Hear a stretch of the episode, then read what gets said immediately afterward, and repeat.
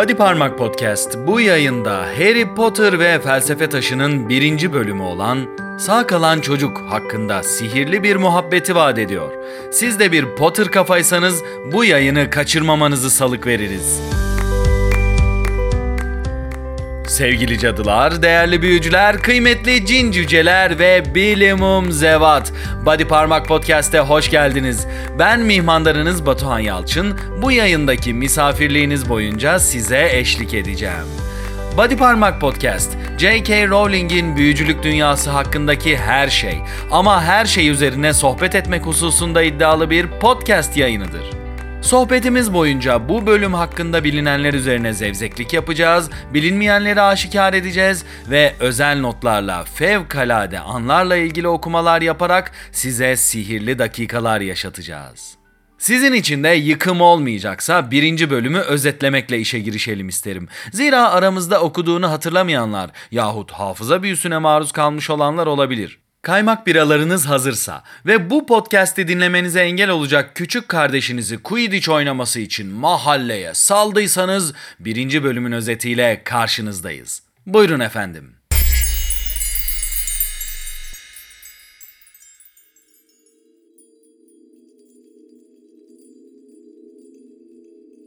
Harry Potter ve Felsefe Taşı 1. Bölüm Sağ kalan çocuk Dursley ailesi 1981 yılının Kasım ayındaki o kasvetli salı sabahına dek son derece normal bir yaşam sürmüştür.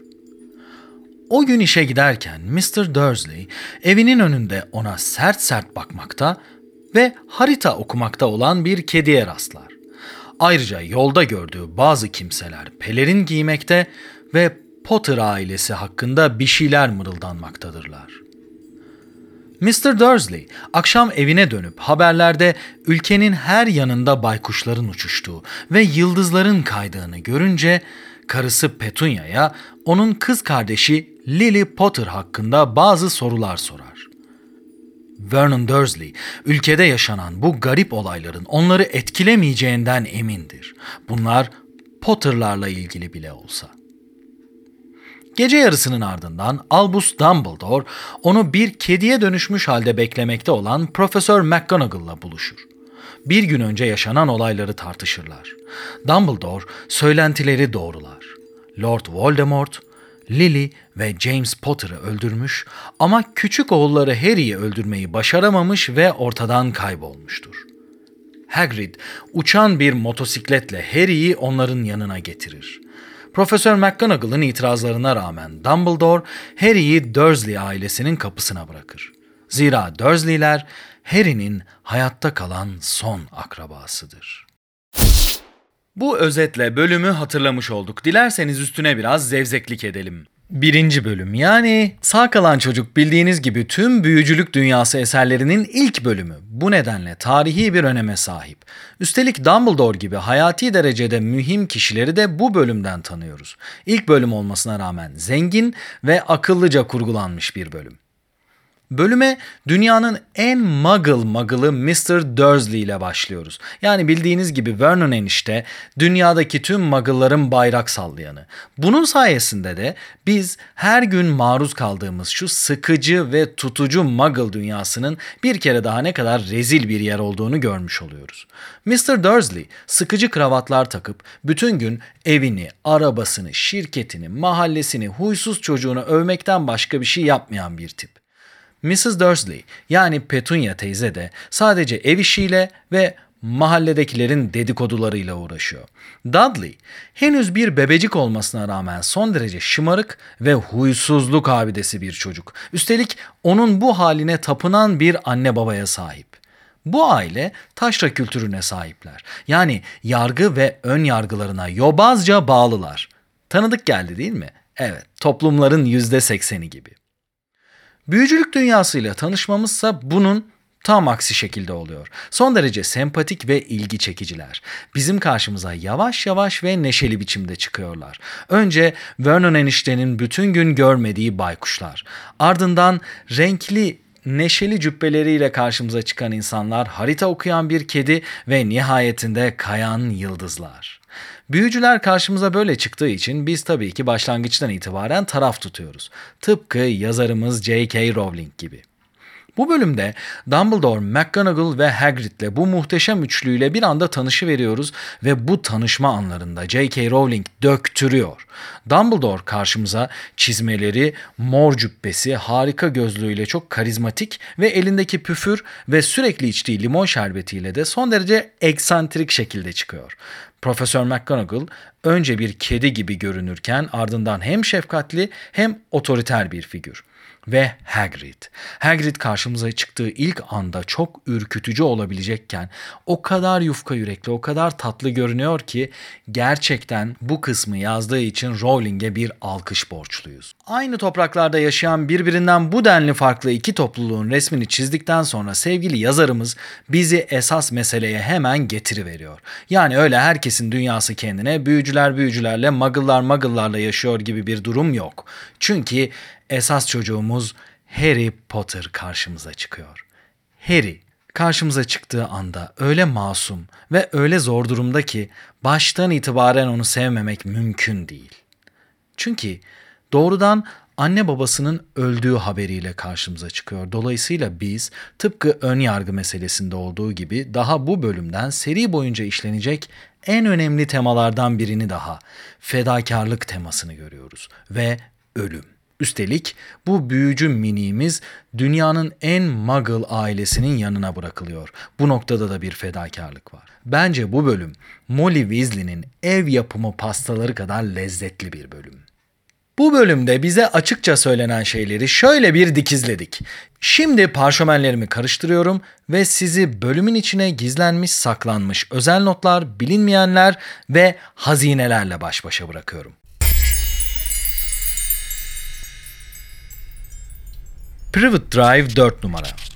Private kelimesi İngilizce'de ikincil olarak bir çeşit çalı anlamına geliyor. Bu çalıdan mahallelerde evlerin etrafına çitler yapılıyor. Yani çit kelimesine işaret eden anlamıyla Private Drive sıkıcı ve tutucu bir muggle mahallesi için hayli uygun bir isim. Dursley ailesinin evinin 4 numaralı olması ise J.K. Rowling'in kişisel bir tercihi. Rowling yaptığı bir açıklamada 4 rakamının son derece katı ve uzlaşmaz bir numara hissi verdiğini söylüyor. Bu da yine Dursley ailesinin büyücülere yaklaşımını sembolize eden bir unsur. Gündüz vakti baykuşlar J.K. Rowling'in kendine ait eski bir internet sitesinde söylediği üzere Britanya kültüründe gündüz vakti baykuş görmek uğursuzluk alameti sayılırmış. Yazarımız bu duruma esprili bir yaklaşım getirmeye çalıştığını söylüyor. Çünkü bu bölümde yaşananlar sırasında baykuşların etrafta görünme nedeni Voldemort'un ortadan kaybolması. Dolayısıyla Rowling bu batıl inancı haksız çıkarıyor. Bu baykuşlar uğurlu. Kayan Yıldızlar Yağmuru ve Dedalus Diggle. McGonagall nihayet Dumbledore'la bir araya geldiklerinde Muggle haberlerinde geçen ve kent dolaylarında gerçekleşen yıldız yağmurundan bahsediyor. Bunu Dedalus Diggle yaptığı için de ona kızıyor. Her ne kadar itidalli bir McGonagall tarafından o sırada hor görülse de Dedalus Diggle Zümrüdü Anka yoldaşlığının bir üyesi ve felsefe taşının 5. bölümünde Harry ile tanıştığı andan itibaren seri boyunca onu kritik anlarda göreceğiz. Örneğin Ölüm Yadigarlarının 3. bölümünde Dursley ailesini güvenli bir yere kaçırırken. Bonfire Night ve Anka Kuşu Fox Eserin çevirisinde Ülkü Tamer'in es geçtiği pek çok şeyden biri de bu. Zaten çeviriyi ayrı bir konuşmada ele alacağız. Çeviride şenlik gecesi biçiminde geçen ve asıl ismi kullanılmadığı için sıradan bir gece gibi görünen bir olay var. Bonfire Night. Bu bölümdeki olayların 1 Kasım 1981'de geçtiğini, Rowling'in 2006'da açıkladığı Black ailesi soy ağacı ve Sırlar Odası'nda bahsi geçen Draco Malfoy'un doğum günü tarihi üzerinden bilebiliyoruz. Burada 1 Kasım akşamında henüz vakti gelmeden kutlanıyor gibi görünen şenlik de 5 Kasım gecesi olmalı. Bonfire Night her yıl Britanya'da 5 Kasım tarihinde kutlanan ve V for Vendetta adlı çizgi romana da konu olan önemli bir muhalif kişilik Guy Fawkes'un parlamento binasını patlatışını anma şenliği. Bu anma gecesinde Britanyalılar ateşler yakıyor ve havai fişekler patlatıyorlar. Muggle haberlerinde buna gönderme yapılıyor. Dahası Dumbledore'un anka kuşu olan ve seride önemli bir yere sahip olan Fawkes işte adını bu tarihi şahsiyetten alıyor. J.K. Rowling daha ilk bölümden siyasi ve toplumsal açıdan yüzünü ne yana döndüğünü cesurca ve sanatlı biçimde ortaya koymuş oluyor. Sahi neydi adı? Howard'tı değil mi? Vernon enişte işten geldiğinde karısı Petunia'ya bu soruyu sorar. Gün boyu kulağına çalınan şeylerin doğru olmamasını dilemektedir. Oysa duydukları doğrudur. Petunia'nın yeğeninin adı Harry'dir. Oğulları Dudley bu olayların yaşandığı sırada 16 aylıkken Harry 14 aylıktır. 31 Temmuz'da doğan Harry Potter aynı yıl 22 Haziran'da doğan kuzeninin aksine çok şanssızdır. Çünkü 31 Ekim 1981 gecesi anne ve babasını kaybetmiştir. James ve Lily Potter çifti o gece Voldemort tarafından katledildiklerinde sadece 21 yaşındaydılar. Harry, bana sorarsan berbat, sıradan bir ad. Tüm büyücülük dünyası eserlerinde tüm isimlerin nasıl ve hangi kökenlere dayanarak verildiği J.K. Rowling için çok önemlidir. Harry'nin ismi konusunda Rowling elbette Petunia teyzeden tamamen farklı düşünüyor. Verdiği bir röportajda bu Harry Potter'ın soy ismini çocukken tanıdığı ve soy isimlerini çok sevdiği bir aileden aldığını, Harry'nin ise en sevdiği Hristiyan isimlerinden biri olduğunu söylüyor harita okuyan ve gece yarısına dek kıpırdamayan bir kedi. Profesör Minerva McGonagall Tüm seri boyunca yüklendiği önemli görevlerdeki cesareti ve zekasıyla zaten bizi kendine daima hayran bırakıyor. Ancak bu sefer onun aracılığıyla gördüklerimiz McGonagall'ın yapabildiklerini de kapsayan bir planın varlığını ortaya çıkarıyor. McGonagall'ın bir animagus olduğunu daha bu bölümün başından anlıyoruz. Ancak bir animagus olmak Dursley ailesini korumaya yetmeyebilir. Potter'ların katledilmesinden sonra Privet Drive'ın korumaya alınması ve yoldaşlıktan birinin orada nöbet tutması gerekiyor. Dumbledore'un kehaneti bildiğini ve Voldemort'un olası katliamlarına yönelik tetikte olduğunu zaten biliyoruz. Dumbledore gibi bir plan yapma ustasından bahsediyoruz. E, 31 Ekim gecesi Dumbledore ailesinin de mahallesi olan Godric's Hollow'da Potter'lar öldürüldüğünde Dumbledore hemen harekete geçiyor. Harry'nin sağ kaldığını öğrenir öğrenmez Hagrid'i Harry'i almaya gönderdiğini biliyoruz. Hagrid 31 Ekim gecesi Harry'i aldıktan sonra 1 Kasım gecesine dek gökyüzünde dolaşmış olamaz. Muhakkak güvenli bir yerde Dumbledore'un ona söylediği şekilde beklemiştir. Dumbledore'un planı Harry'i kan bağı nedeniyle onun için en korunaklı yer olan Privet Drive'a nakletmek. Ancak Dumbledore'un bu nakil yapılana dek orayı koruma altına almak için yapması gereken pek çok iş var. Başta Arabella Fig'le görüşmek gibi. İşte bu sırada gün boyu orada nöbet tutacak birine ihtiyaç var. Dumbledore bu iş için McGonagall'ı seçiyor. Bu şaşırtıcı bir şey değil. Minerva McGonagall'la Albus Dumbledore uzun, çok uzun yıllardır dostlar. Ayrıca Minerva itidalli ve asla işin ciddiyetini elden bırakmayacak bir cadı olduğu gibi olası bir saldırıda tüm mıntıkayı savunabilecek kadar becerikli bir düellocu. Dahası da var. Minerva, Harry'nin Dursley'lere bırakılacağını bilmiyor. Üstelik kehanetten de haberi yok. Buna rağmen Dumbledore'un sözünden çıkmayacak kadar güvenilir bir dost. Tüm bu meziyetleriyle Minerva McGonagall bu kritik görevi almayı hak ediyor. Biz bölümü okuduğumuz sırada onu sadece bir kedi suretinde Privet Drive'da vakit geçiriyor zannederken işte arkada böyle devasa bir trafik dönüyor.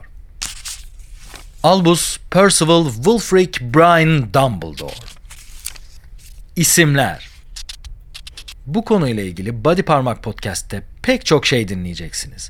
Burada ise Dumbledore'dan bahsetmeden geçmek olmaz. Albus, Latince'de beyaz anlamına geliyor. İyi adamların lideri olan Dumbledore için harika bir ön isim. Dumbledore ise kadim İngilizce'de yaban arısı manasında kullanılırmış. Rowling bunun Albus Dumbledore imgesine çok uygun olduğunu ve iyi huylu olduğu kadar çalışkan ve vızır vızır gezen birini yansıttığını söylüyor. Minerva McGonagall Önemli bir isim daha. Minerva Roma mitolojisinde bilgelik, şifa, sanat, bilim, ticaret, el sanatları ve savaş tanrıçasıdır. McGonagall isminin anlamı ise biraz ilginç. Minerva soy ismini William Topaz McGonagall'dan alıyor. William Topaz McGonagall 9. yüzyılda yaşamış İskoç bir şair. Döneminde sert biçimde eleştirilmiş ve beceriksiz olarak görülen bu şair çalışkanlığı ve azmiyle yeteneğini kanıtlamış ve onu eleştirenleri haksız çıkarmış biri. Profesör McGonagall gibi çetin ceviz biri için harika bir isim. Püfür yahut ışık kemer. Dumbledore ilk adımını Privet Drive'a attığı anda cebinden bir nesne çıkarttığını ve sokağın tüm ışıklarını tedbir amaçlı bu nesneyle topladığını görüyoruz. Bu sihirli nesnenin ilk kitaptaki adı püfür ve İngilizce'de put outer olarak geçiyor. Aynı nesneyi aynı amaçtaki kullanımıyla Zümrüt Anka yoldaşlığında da göreceğiz ve karargaha girmeyi kolaylaştıracak. Nesnenin oradaki adı da püfür. Fakat karşımıza son çıkışı olan ölüm yadigarlarında ışı kemer adını alıyor ve İngilizce'deki karşılığı Deluminator oluyor. Işık kemer son macerada Ron'un hayli işine yarayacak. İsminin yıllar içinde daha ne kadar değişeceğini de birlikte göreceğiz. Londra semalarında sakallı adamlar. Dumbledore bu bölümde McGonagall'ın yanına gelirken yolda pek çok kutlama ve partiye denk geldiğini söyler. Hagrid ise uçan motosikleti ödünç almadan önce gideceği yere yine hızla varmış olmalı. 31 Ekim ve 1 Kasım'da yaşanan bu önemli olaylar sırasında Dumbledore yer yer cisimlenmiş, yer yerde uçarak bazı mıntıkalara gitmiş olmalı. Çünkü Privet Drive'da güvenliği sağlamak için orayı havadan görmek durumunda kalmış olabilir. Elbette bunu süpürgeyle yapmak ihtimali var. Hagrid içinse kendinin de belirttiği gibi onu taşıyabilecek bir uçan süpürge kullanıyor olma ihtimali yok. Hagrid cisimlenemiyor da. Hagrid'in gerektiğinde nasıl seyahat ettiğini ve Dumbledore'un da hem onun hem kendi için hangi yöntemi önerdiğini ise Zümrüt Anka yoldaşlığının 21. bölümünde öğreniyoruz. Testraller. Dumbledore'un ilginçliklerini ve Hagrid'in sihirli yaratık sevgisini hesaba katarsak bu cevap daha da mantıklı geliyor. İkisi de bu önemli günde testrallerle seyahat etmiş olmalı. 10 yıldır pek bir şey kutladığımız yok. Bu sözler Albus Dumbledore'a ait. Voldemort'un harekete geçtiği yılı bu cümleden de öğreniyoruz. Voldemort sahip olduğu karanlık gücü kullanmaya 1970 yılının ilk aylarında başladı. Voldemort'ta benim hiç edinemeyeceğim güçler vardı. Bu sözler de aşırı alçak gönüllülük eden Dumbledore'a ait. Nitekim Minerva McGonagall ona şöyle karşılık veriyor. Bunun nedeni sizin o güçleri kullanmayacak kadar şey, soylu olmanız. Gerçekten de öyle. Bir insanın kim olduğunu belirleyen şeyin meziyetleri değil tercihleri olduğuna olan inanç tüm seride çok önemli. Kitaplar boyunca doğru olanla kolay olan arasında yahut iyi olanla zararlı olan arasında seçim yapılması gerektiğinde Dumbledore'un zorlukları bile olsa doğru veya iyi olanı seçtiğini görüyoruz. Bu ayrım karşımıza yeniden çıkacak. Harry ile Dumbledore bu konu hakkında Sırlar Odası'nın 18. bölümünde harika bir sohbet gerçekleştiriyorlar. Ayrıca devam eden kitaplarda Cedric Diggory'den Peter Pettigrew'a dek pek çok büyücünün tercihleriyle ilgili daha pek çok dramatik ana tanık olacağız. Hagrid'e canımı bile emanet ederim. Hepimiz gibi Dumbledore daha onu tanıdığımız ilk akşamdan Hagrid'e olan güvenini böyle net biçimde ifade ediyor. Hagrid gerçekten tüm büyücülük dünyasındaki en güvenilir kişilerden biri. Onun Dumbledore'la böyle bir bağ kurmasına neden olan spesifik bir olay. Yani o güveni sınayıp perçinleyecek özel bir an yok. Ancak ileride çok kez bahsi geçecek olan Dumbledore'un ve Hagrid'in ayrı ayrı geçmişlerindeki büyük aile trajedileri onları birbirine bağlıyor olabilir. Birlikte olan mücadele ve kaderleri zaten efsaneviyken geçmişleri nedeniyle de birbirlerine besledikleri empati bu güveni en üst seviyeye taşımış olmalı. Godric's Hollow bu küçük kasaba Godric Gryffindor'dan Harry Potter'a, Bowman Wright'tan Albus Dumbledore'a kadar pek çok kimseye ev sahipliği yapmış bir Muggle kasabası. Adını ilk kez bu bölümde duyuyoruz ve serinin devam eden bölümleri boyunca tarihçesinden bahsedeceğiz. Sirius Black Sevgili Sirius'umuzun adını da yine ilk bölümden duymuş oluyoruz. Ancak her şey öyle hızlı oluyor ki Azkaban tutsağına geldiğimiz sırada pek çok okuyucu ondan burada bahsedildiğini bile hatırlamıyor. Oysa Sirius daha sonra öğrendiğimiz şekilde James Potter'ın en yakın dostu ve Harry'nin vaftiz babası. Azkaban Tutsağı'nın 10. bölümünde öğreniyoruz ki o gece Sirius Hagrid'e Harry'i kendine vermesi için adeta yalvarıyor. Ancak Hagrid bunun Dumbledore'un emri olduğunu söyleyince buna karşı gelmiyor ve hatta Hagrid'e Harry'i hızla götürmesi için kendi uçan motosikletini veriyor. Esas olaylarsa sonrasında kopuyor. Genç Sirius en yakın dostunun ölümünün ardından 1 Kasım gecesinde Voldemort'un yok oluşunu kutlamak yerine olayı araştırmak ve belki de intikam alabilmek için Godric's Hollow'dan ayrılmıyor ve ertesi gün yani 2 Kasım 1981'de Azkaban tutsağında karşımıza çıkan olaylar yaşanıyor. Şimşek biçiminde yara izi. Lord Voldemort o gece Lily ve James'i öldürdükten sonra esas hedefi olan Harry Potter'a asasını yönelttiğinde başına neler geleceğini bilmiyordu. Hatta tamamını duymadığı bir kehanetin haklı çıkma ihtimalinden de haberdar değildi.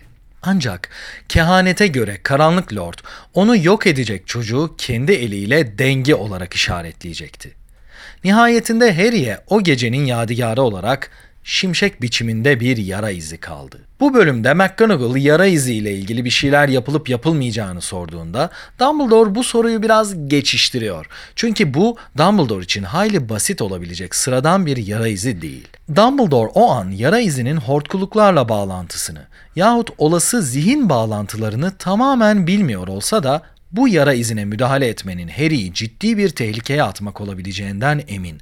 Bu nedenle sihirli yara izlerinin işlevlerinden söz ederek bu meseleyi sonraya bırakıyor.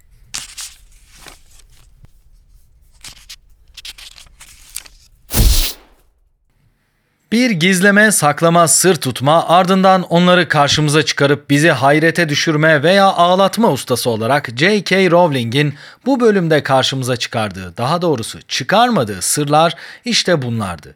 Şimdi sizleri bölüm incelemelerimiz boyunca fevkalade anlar olarak anacağımız bir kısma davet etmek istiyorum.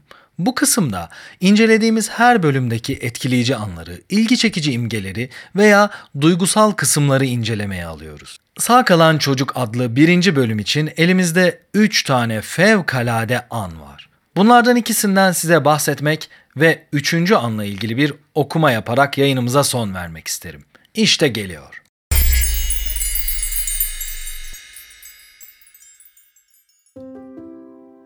Harita okuyan bir kedi. Fantastik edebiyat içinde eğer büyücülük dünyası olmasaydı gerçekten bu tür özellikle sihir işleri bakımından hayli eksik güdük kalırdı. Biz bu kıymetli evrene ilk adımımızı tam da bu anda atıyoruz işte. Dünyanın en muggle insanı Vernon enişte her gün yaptığı gibi evinden çıkıp işine giderken bir an için, sadece bir an için sokağındaki bir kedinin bir harita okuduğunu görüyor. Ancak bir kedinin harita okuyamayacağından öyle emin ki tekrar dönüp baktığında o kedinin haritayı ortadan kaldırmış olması onu ikna etmek için yeterli. Biz yani okuyucularsa artık eminiz. Bu dünyada büyücüler var, kediler de harita okuyabilirler.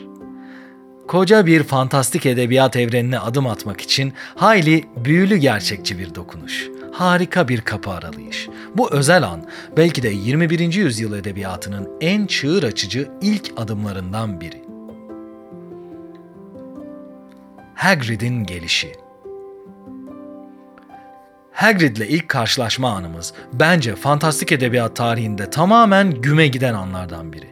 Yani bunu Dumbledore'un Sihir Bakanlığı baskını sırasındaki yok oluşuyla veya Gandalf'ın miğfer dibi dolaylarında belirmesi gibi iki üstün karizmatik hareket nedeniyle hatırlamıyoruz ama artık Hagrid'e hakkını vermemiz lazım. Nasıl ifade edilirse edilsin tüm sanat dalları açısından büyüleyici.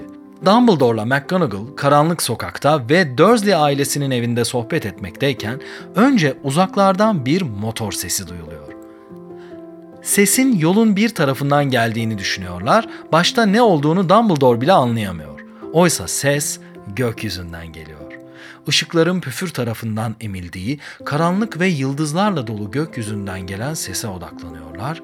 Gördükleri şey ise koca bir uçan motosikletin üzerinde en az iki adam uzunluğunda ve beş adam genişliğinde bir devin onlara yaklaşmakta olduğu.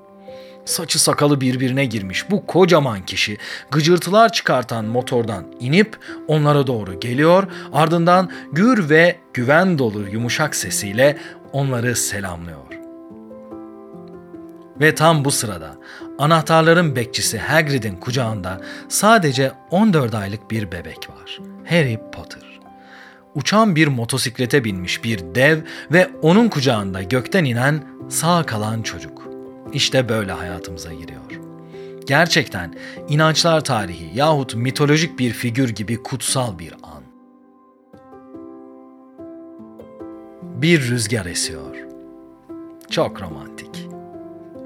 Bu kısım Sağ Kalan Çocuk adlı bölümün son kısmı ve ben bununla ilgili yorum yapmak yerine yayınımızı size bu kısmı okuyarak kapatmak istiyorum. Bir meltem çıktı, mürekkep rengi göğün altında sessizce, düzenli bir biçimde uzanan, şaşırtıcı şeylerin en son olabileceği bu sokağın, Privet Drive'ın tertemiz çalılarını titretti. Harry Potter uyanmadan battaniyenin içinde bir yandan bir yana döndü. Minicik eliyle yanındaki mektubu kavramıştı. Uykudaydı. Özel biri olduğunu bilmiyordu. Ünlü biri olduğunu bilmiyordu. Birkaç saat sonra süt şişelerini koymak için kapıyı açacak olan Mrs. Dursley'nin çığlığıyla uyanacağını bilmiyordu.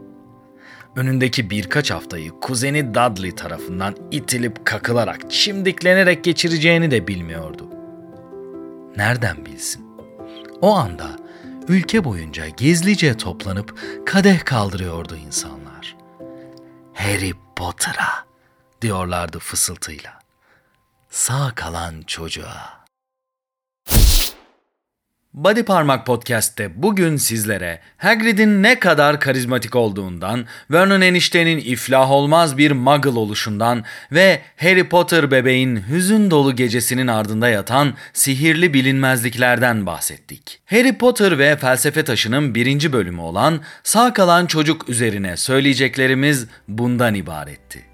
Siz Potter kafalar da sizi dürtükleyen bunca sıkıntı varken ve bu güzel yaz başlangıcında gelen durdurulamaz Quidditch oynama isteği içinde tuttunuz bizi dinleme inceliği gösterdiniz. Sağ olun, var olun efendim.